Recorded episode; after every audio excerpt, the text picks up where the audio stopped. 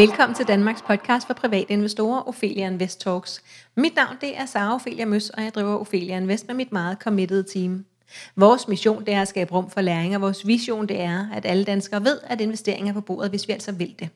Strukturen er, at vi udkommer to gange ugentlig, nemlig fredag og lørdag, og podcasten varer cirka 30 minutter. Sponsor på dagens episode, det er den svejsiske investeringsbank Fontobel, og dagens tema det er hydrogen. Jeg har fået Jakob Krogsgaard med på en linje, og hej til dig, Jakob, CEO i Everfuel. Ja, hej så. Tak for invitationen. tak. Det var så lidt. Jeg er glad for, at vi kunne øh, finde tid til det. Jeg ved, du er en, en frygtelig travl mand. Vil du ikke først og fremmest fortælle en lille smule om dig selv og din baggrund? Jo, tak. Jamen, det kan, det kan jeg jo gøre kort og langt. Lad mig på midt i. øh, jamen, øh, jeg har arbejdet med, med hydrogen siden øh, 2003 øh, men faktisk har egentlig været inspireret af arbejde eller med, med hydrogen allerede inden da. Øh, jeg voksede op i Thy, hvor der er i gang, tilbage i 80'erne og 90'erne var masser af vindmøller, øh, men hvor man i sidste i 90'erne faktisk begyndte at få udfordringer med, at man kunne ikke bruge alt den strøm, der blev produceret, øh, så man begyndte at slukke for vindmøllerne.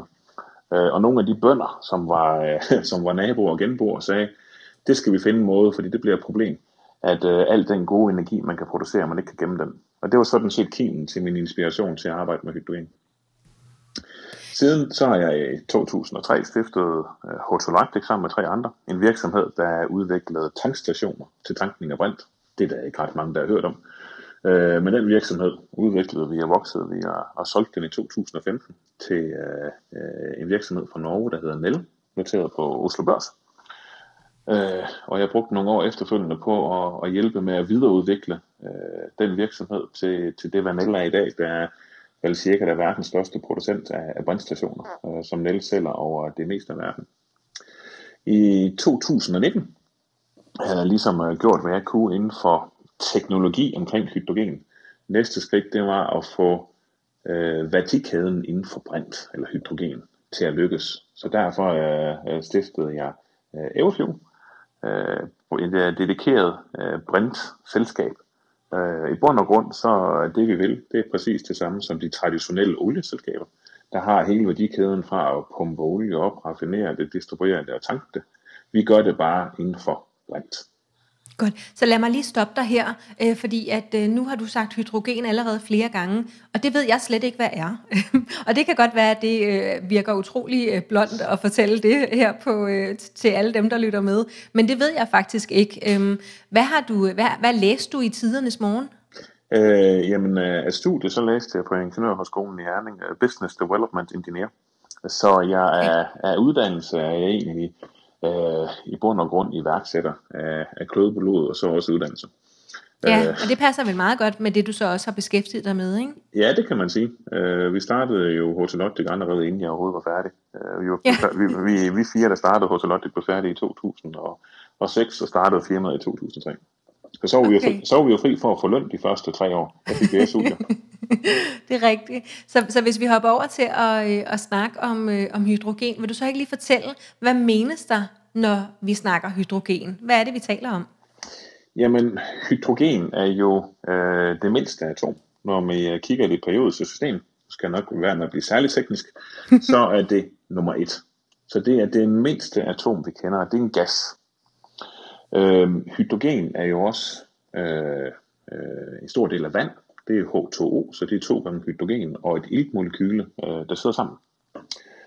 Øhm, og hydrogen er, ligeledes faktisk det, der er energibæreren i det, vi kender som traditionelle brændstoffer i dag, altså naturgas eller benzin eller diesel.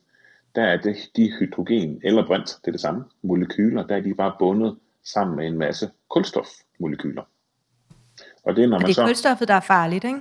Jo, fordi når man så laver en forbrænding i en normal forbrændingsmotor, så tager man ilt fra atmosfæren, som man skal bruge til at lave forbrændingen, og så kommer det, den ilt bliver bundet med kulstoffet og laver CO2. Og det er det, der er, øh, det er jo det, vi ønsker at, at stoppe, fordi det er godt i gang med at lave de her ubehagelige klimaforandringer. Ja. Så det der er hele ideen med hydrogen, det er, at vi kan bruge hydrogen som et enormt stort batteri eller en energibærer. Så når vi nu skal skifte hele vores, vores nuværende samfund fra et fossilsamfund baseret på olie, kul og gas, til i 2050, at vi har et samfund udelukkende baseret på vedvarende energi, så har vi jo en udfordring, fordi den vedvarende energi, i hvert fald på øh, vores breddegrader, vil primært komme fra vindenergi, men også lidt fra sol. Men det er ikke en stabil energikilde. Vores energiforbrug som strøm, men også som brændstof til køretøjer og som varme til vores øh, huse, ikke? fjernvarme, øh, det ønsker vi jo ikke at, at slække på. Vi ønsker at have lige så stor fleksibilitet, som vi har i dag. Mm. Den fleksibilitet hænger rigtig dårligt sammen med produktionen af vedvarende energi. Så det, det vi kan bruge øh, hydrogen til, det er, når, der er, når vi har for meget vindmøllestrøm, så kan vi bruge den strøm til at lave elektrolyse. Og elektrolyse, så hopper vi lige tilbage i folkeskolen igen, i, i uh, kemilokalet, hvor, uh, hvor vi havde to elektroder, vi satte ned i et glas vand, så, på, så boblede der uh, gasser op i to reagensglasrør. Og det var faktisk elektrolyse. Det ene rør, der hvor der var dobbelt så meget gas som i det andet rør, det er hydrogenen, og i det rør, der var halvt så meget, det er så ilten. Så det er, hvor man tager H2O, vandet, og spalter det i ilt og brint. Fidusen ved at gøre det, det er, så kan vi gemme øh, brintmolekylet. Mens hvis vi skulle bruge al den strøm, vi nu har fra vindmøller, fra solceller til eksempelvis batterier, til at lade øh, elbiler og el, hvad det skulle være, mm. så skal vi lade dem øjeblikkeligt på det tidspunkt, at vi har vindmøllerne, der kører rundt. Ellers så skal vi slukke ja. for dem. Og det, ja. gør vi, og det gør vi allerede i dag, i det, der man på godt vestjysk kalder curtailment. Altså hvor rent faktisk der bliver slukket for vindmøller, fordi vi ikke kan bruge strømmen. Og det bliver kun værre. Det var det, jeg så, da jeg var teenager oppe i Thy, ja. at man var nødt ja. til at slukke for de vindmøller. Det er godt i gang nu. Og det bliver værre, og det skal vi, øh, vi skal bruge den energi på en intelligent måde, og det gør vi ved at lave det op til brint.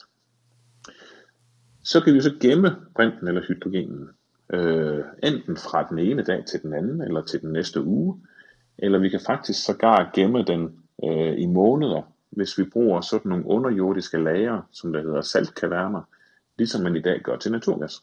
Og sådan nogle har vi faktisk i Danmark, og vi er blandt andet med i et projekt, hvor det er et af formålene, det er at lave enormt store skala brintproduktion.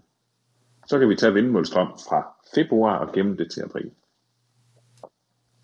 Så det, ja, du må gerne fortælle. Ja, så det vi gør i, så det vi gør i Everfuel, udover selvfølgelig at kunne fortælle omkring den her fantastiske energikæde, så skal det også være god forretning.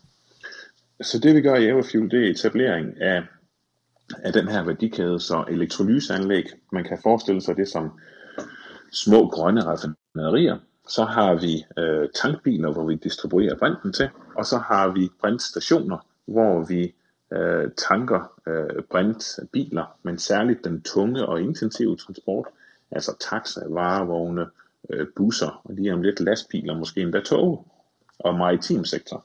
Så de dele af transportsektoren, hvor batterier ikke rigtig kan løse opgaven. Og, og hvordan, hvis vi lige springer øh, op i, øh, i, øh, i, i hvad hedder det, introen igen, hvordan fungerer det som brændstof, hydrogen? Øhm, altså øh, for eksempel, hvilke fordele har hydrogen sammenlignet med andre energiformer? Jamen, øh, hydrogen som, øh, som gas, der driver vi jo så tankstationer, så kan man tanke, øh, lad os bare tage en bil som eksempel, så kan man tanke den på, på 3 minutter, og få de her 600-700 km rækkevidde. Når man så tager brinten fra tanken i bilen, så bliver den lidt ned igennem det, der hedder en brændselscelle. Og en brændselscelle er en, øh, en kemisk strømgenerator, hvor man tager brint fra tanken og blander den sammen med den atmosfæriske luft, hvor du tager ilten. Og i den proces, hvor du så samler øh, brint og iltmolekyler igen for at producere vand, så bliver der genereret en masse energi i form af strøm.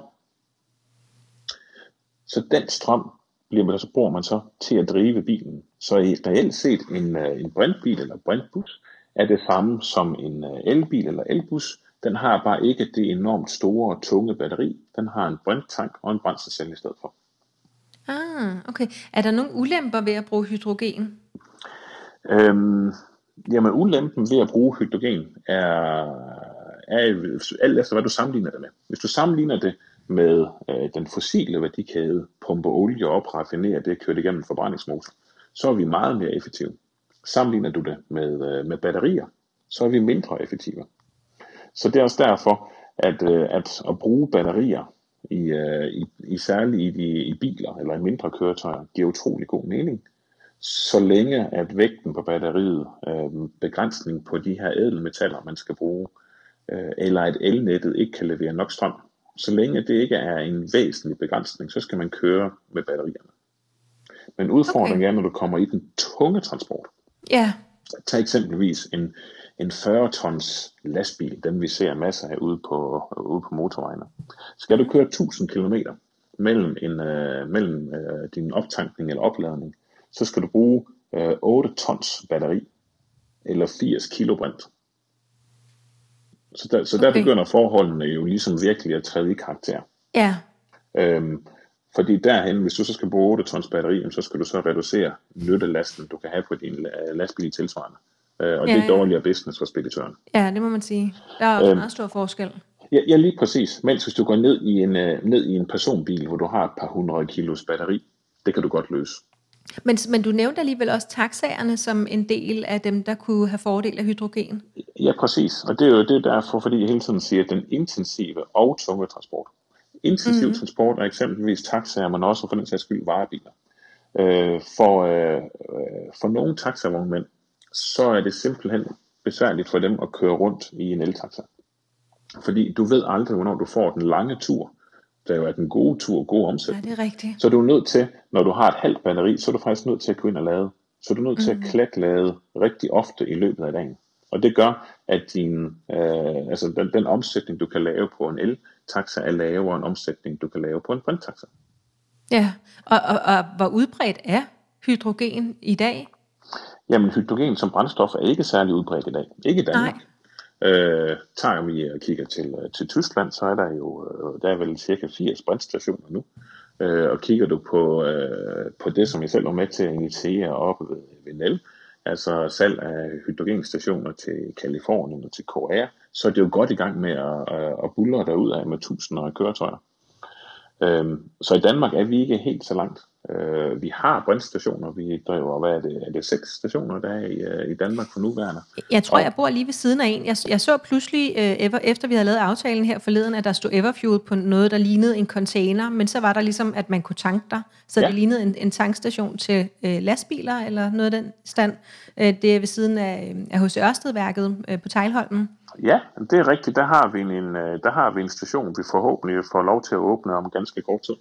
Så det vil sige, at jeg så simpelthen en af de seks, der er i Danmark.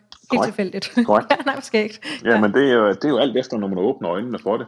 Uh, det ja. hører jeg jo også utrolig mange, der, der kommer til mig og siger, Brint, hvad er det for noget?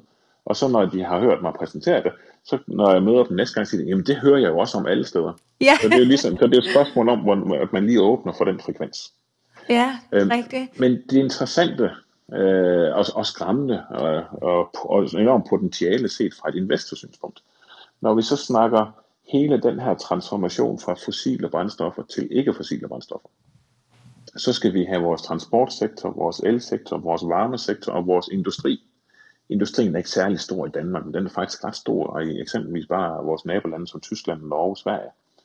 Så skal vi jo have den konverteret om til noget, der er grønt. Og der er hydrogen meget interessant, for du kan eksempelvis bruge hydrogen til at erstatte øh, naturgas i en lang række forbrændingsprocesser, hvor du typisk bruger naturgassen til at varme noget op med. Og, og hvordan er forskellen på naturgas og hydrogen? Øh, jamen, de er begge to gasser. Og øh, mm. faktisk i mange tilfælde kan man bruge naturgasrør til at distribuere brint i, i stedet for. Okay. Øh, så det er jo en, øh, det, det er jo så selv en, en mulighed, hvor man så faktisk har dele af et distributionsnet allerede Men hvordan klar. i forhold til miljøet? Øh, jamen, naturgas forurener jo. Det hedder godt nok naturgas.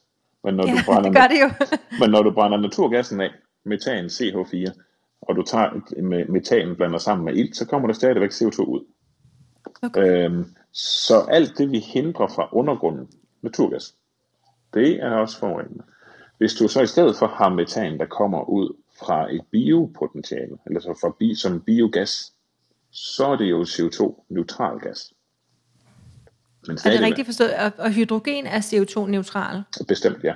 Hydrogen er jo produceret helt uden CO2, og når du, øh, altså du, du tager du tager og spalter vand ved at sætte strøm til det, får ilt og brændt ud, og hele vejen i den modsatte ende ude i dit køretøj, når du så leder hydrogenen igennem din brændselcelle, så får du øh, vand ud af udstødningsrøret, så du får det samme vand tilbage igen. Og det er jo helt magisk, når man siger det sådan. Hvis du siger det så simpelt, så lyder det helt magisk, at der bare kan drøbe lidt vand ud af, af rumpen på bilen. Ikke? Jamen ikke, det det, ikke desto mindre, så er det tilfældet. Ja, øhm, jeg, jeg skal lige høre, øhm, hvad kan hydrogen bruges til? Øh, nu fortæller du om, at, øhm, at, at det, altså, vi, vi kan bruge det som noget vedvarende energi, og vi har fokus på transport lige her. Hvad, hvad er mulighederne for hydrogen sådan på lang sigt? Jamen, hydrogen er en, øh, det er ikke en vedvarende energikilde, det er en energibærer. Så hydrogen ja. kan bruges til, øh, jeg skal prøve ikke at være teknisk, men til at, balan- til at balancere, til at udbalancere øh, de fluktuationer, der er mellem produktion af vedvarende energi og det ønskede forbrug af energi, der er fra os forbrugere til strøm og til varme og til brændstof. Okay, så den, så den fleksible spiller på, ba- på banen? Ja, det, ja, præcis. Så de steder, hvor du kan bruge ren strøm, skal man bestemt bruge det. De steder, mm. hvor alternativet vil være at slukke for vindmøllen, og vi så i øvrigt dagen efter har et underskud af strøm, det er der, hvor, hvor brint kan, bruge, kan bruges til at flytte det, øh, til at flytte energien fra den ene dag til den anden dag, eller til den næste uge. Vi kan også bruge hydrogen til, hvis vi lige prøver ikke kun kigge med vores øh, danske klaphat, men bare lad os tage Ja. ja. et europæisk perspektiv, så står Europa jo med udfordringen i 2050 på samme måde, som vi gør i Danmark. Så Europa har behov for en måde, hvorpå man kan producere vedvarende energi indenfor, gerne inden for Europa. Og der er en af de helt store øh, kilder til produktion af vedvarende energi. Det bliver vindmølleparker eller energiøer i Nordsøen. Så der kommer vi til at se, at, vi, at en stor del af den strøm, der bliver produceret på de her øh, vindmølle, kommende vindmølleparker eller energiøer, at den kommer til at blive distribueret ned igennem Jylland ud i Europa som brint i brintrør. Så det er sådan lige før vi kommer til at få et øh, Nordsø-eventyr version 2.0.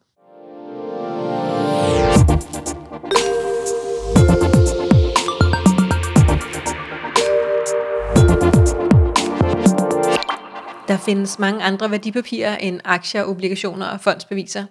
Et af dem er et certifikat kaldet en tracker. En tracker følger udviklingen i et underliggende aktiv, som for eksempel guld. Går prisen op på guld, gør kursen det tilsvarende på vores certifikat, der følger udviklingen i guld. Hos den svejsiske investeringsbank Fontobel kan vi investere i trackers, der følger megatrends som kunstig intelligens, cybersecurity og hydrogen. Du kan læse mere på certifikater.fontobel.com. Og, og et bedre eventyr, tænker jeg, i forhold til olie, selvom at det formentlig var meget velkommen på det tidspunkt. Et bedre, Et andet sted nu. ja, et meget bedre og grønnere eventyr. Ja, hvor, øh, hvor, hvor udbredt øh, bliver det her i fremtiden? Nu siger du, der, der, er ikke så meget, øh, der er ikke så meget af det lige nu, og I har seks stationer, håber I kan køre dem, og, og, og mange flere.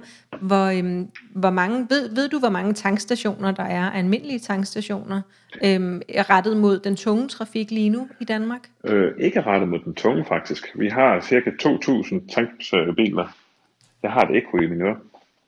Øh, vi har omkring 2.000 øh, tankstationer til traditionel brændstof i Danmark i dag. Og hvis du kigger på transportcentre til den tunge sektor, så kommer man rigtig langt, hvis man har 10 steder. Okay. Så det er vi selvfølgelig godt i gang med at kigge på. Ja. Øhm, hvor, stor, øh, hvor, hvor stort er det her sådan på verdensplan? Er der steder i verden? Nu, nu snakkede jeg, jeg lavede en episode for øh, en måneds tid siden om elbiler, øh, hvor at vi snakkede en lille smule om, at, at der er nogle steder i verden, hvor det ikke giver mening at snakke elbiler, øh, altså steder, hvor der ikke er stabilt elnet, øh, eller hvor der vil være for langt øh, fra det ene til det næste. Øh, er, der nogle, er der nogle begrænsninger på, på det her med hydrogen og brint? Øhm, jamen det er der jo reelt set ikke. Fordi hvis du finder et givet land, hvor du har sol, eller du har vind, eller du har vandkraft, så kan du faktisk producere din energi. Og det er også derfor, man kommer til at se, øh, jeg har desværre rigtig meget ekko. Ja, det har, jeg har det slet ikke, så, så det skal du i hvert fald Okay. vide, at det går ikke igennem til mig, så det er bare generende for dig. Men, men vi bliver Jamen, ikke generet af det. Jeg prøver at, at abstra- hvad hedder, abstrahere. fra. Abstrahere fra det, ja. Øhm, men når vi kigger på, øh, på de lande, hvor man selv kan producere energien, så kan man blive langt mere selvforsynende. Der er jo nogle øh, altså, hippier, der næsten har brugt øh, navnet hydrogen som freedom fuel, fordi det næsten kan, kan fjerne mange af de politiske spændinger, vi har rundt i verden, der blandt andet har været dannet af, af, energiforsyning. Men øh, det der jo så er hele udfordringen, hvis vi skal prøve at komme tilbage til business casen og, Ja, og ja. brintvirksomheder. Hele Ja. udfordringen ligger jo i, jamen, hvordan får vi så fart på hydrogen hurtigt nok? Og noget af det, vi så arbejder rigtig intensivt med, det er etablering af storskala elektrolyseanlæg, hvor vi selvfølgelig producerer brint, vi skal bruge til vores egen transport, men hvor vi ligeledes producerer brinten til vores nabo. Der kan være en industriforbruger, eller der kan være et raffinaderi.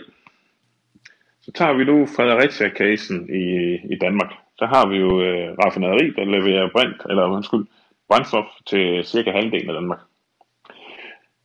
Som jeg indledte med at sige, så har vi faktisk en masse brint knyttet til uh, kulstofmolekyler inde på et raffinaderi, når det, og så ender det med at blive til benzin og diesel.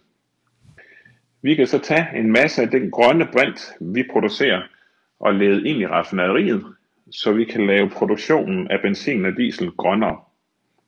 Det gør vi så samtidig med, at vi får produktionsprisen for brint ned, fordi vi kan lave et tilstrækkeligt stort anlæg. Og når vi gør det på den måde, så kan vi bruge vores andel af brinten ud til den rene brinttransport, men allerede få den ned på et kostniveau, hvor vi konkurrerer med fossile brændstoffer i dag. Det giver mening. Jeg, jeg skal være ærlig og sige, at det er en lille smule svært. Jeg, jeg var ikke nødvendigvis særlig god til kemi øh, i skolen, så, øh, så det er faktisk øh, det, det er et af de svære emner, jeg har skulle, øh, skulle øh, interviewe om. Øh, særligt fordi, at du jo er frygtelig klog, altså har beskæftiget dig med det her i øh, 100 år, ikke? altså rigtig mange år. Øh, ja, så, øh, så jeg beklager, hvis jeg har svært ved at stille øh, Nej, det- det er helt rigtige okay. spørgsmål. Jeg prøver at... Øh, at forstå det hele. Hvis jeg tror jo, du, vil, øh, ja. du stiller jo bare de spørgsmål, som i bund og grund jeg, jeg bliver stillet dagligt, og jeg forsøger at lave den så, så, så, så langt nede på jorden som muligt. Ja, men, og det gør du rigtig godt. Hvordan kan man følge med i den her udvikling, hvis man nu er en af dem, der synes, at det lyder øh, rigtig spændende? Det gør det jo øh, formentlig for mange af os lyder øh, sindssygt spændende, også fordi det, altså, at, at det er tydeligt, at der er et stort potentiale, og at det er noget vigtigt, der bliver bidraget med her. Øh, hvor, kan man, hvor kan man følge med i udviklingen på det her øh, store felt? Jamen, du kan jo følge med på hydrogen bare ved at, at gå ind på de sociale medier, og nok næsten det bedste sted. Øh, øh, der findes utallige investorgrupper omkring, øh, omkring hydrogen, fuel cells. Øh, der er bestemt også nogle, nogle skandinaviske, man kan, man kan følge. Øh, og der bliver jo flittigt delt alle mulige nyheder øh, omkring brand. Okay. Jeg, jeg plejer jo ellers at sige, at man skal passe en lille smule på, når man øh, hopper ind i meget specifikke grupper, altså der, der drøfter bare et emne eller øhm, en aktie øh, med fare for, at det hurtigt kan blive lidt hyped, at man sidder og får pisket en stemning op. Øhm, men Det, er, det er jo klart, det er jo, det er faktisk, hvis du spurgte, hvor man kunne lære noget om brint, ja, ja, ja, Og det og det er altså der. der.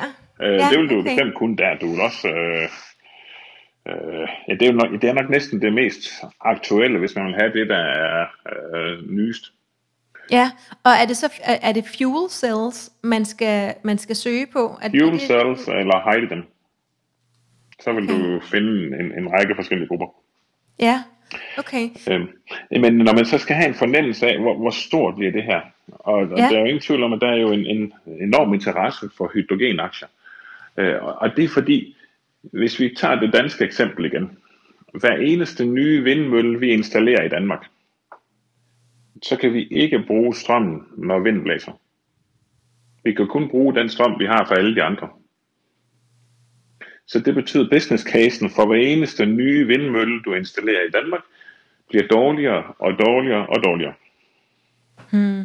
Så derfor så er det sådan helt lavpraktisk for enhver ny vindmølle, vi installerer i Danmark, så i løbet af de næste 10, 15, 20 år, så skal vi have indhentet med lige så meget kapacitet af elektrolyse, for ellers så vil vi ikke kunne bruge den strøm.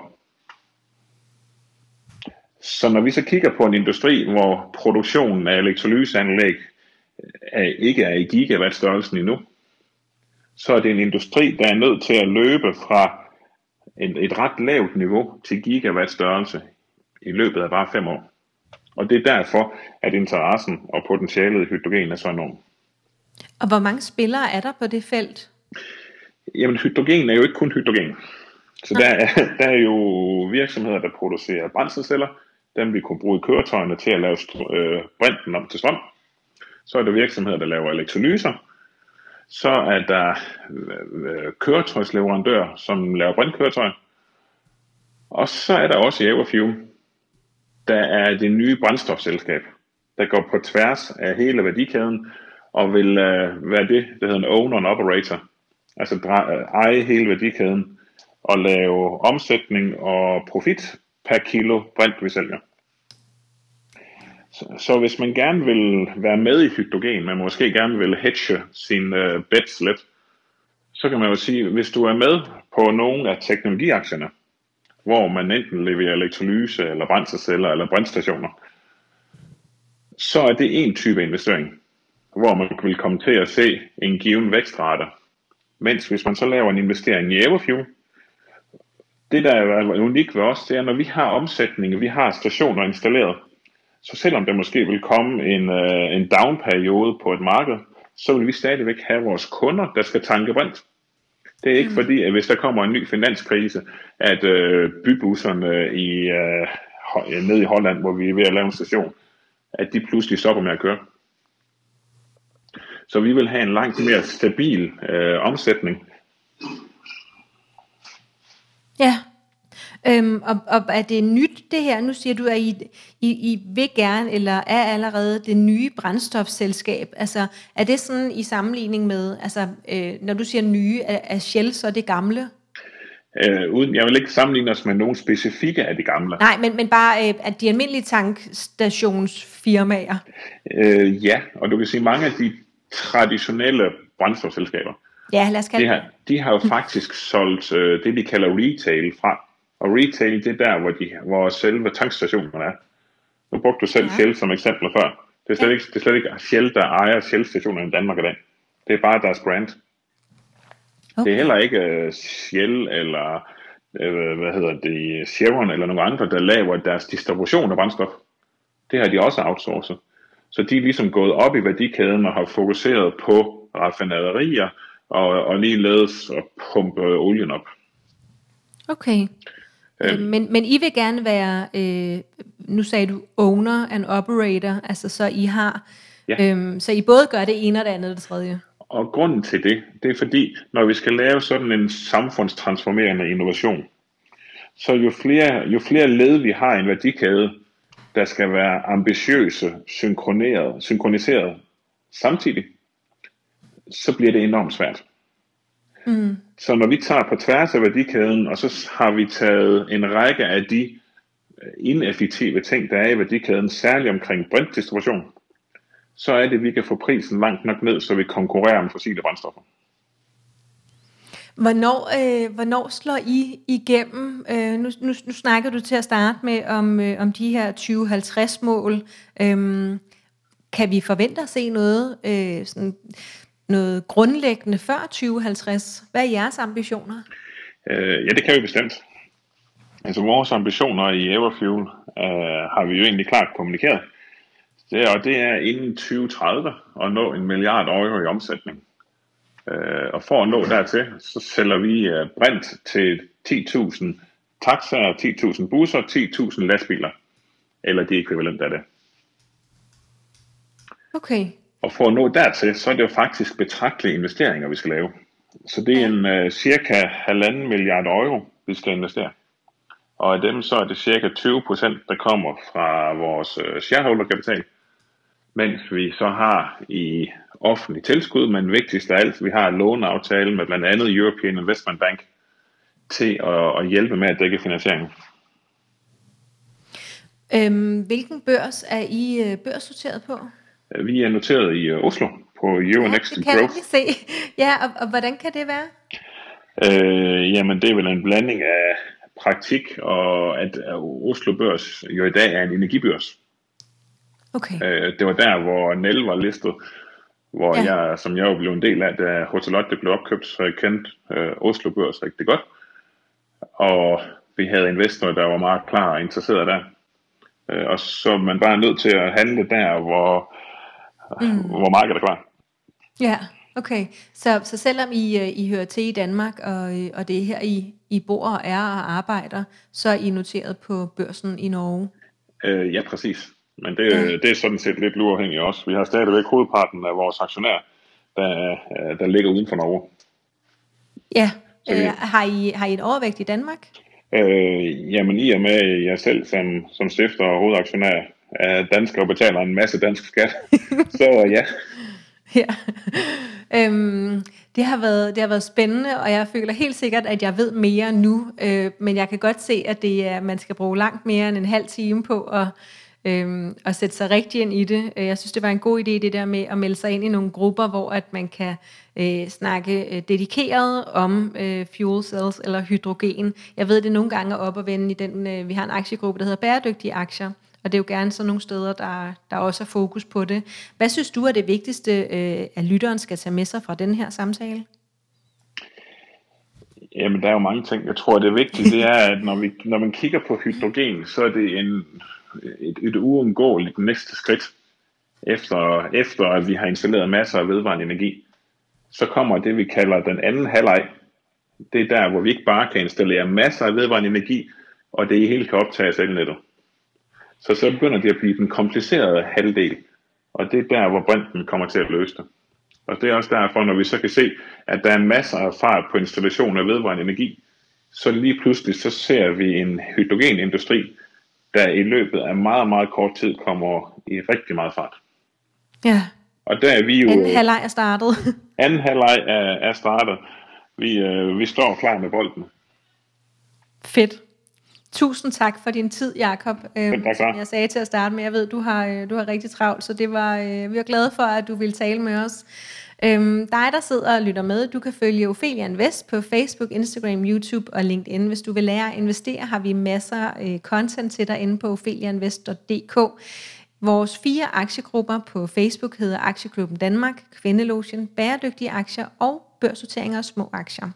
Denne her episode var sponsoreret af den svejsiske investeringsbank Fontobel, og så er der bare tilbage at sige tusind tak, fordi du lyttede med.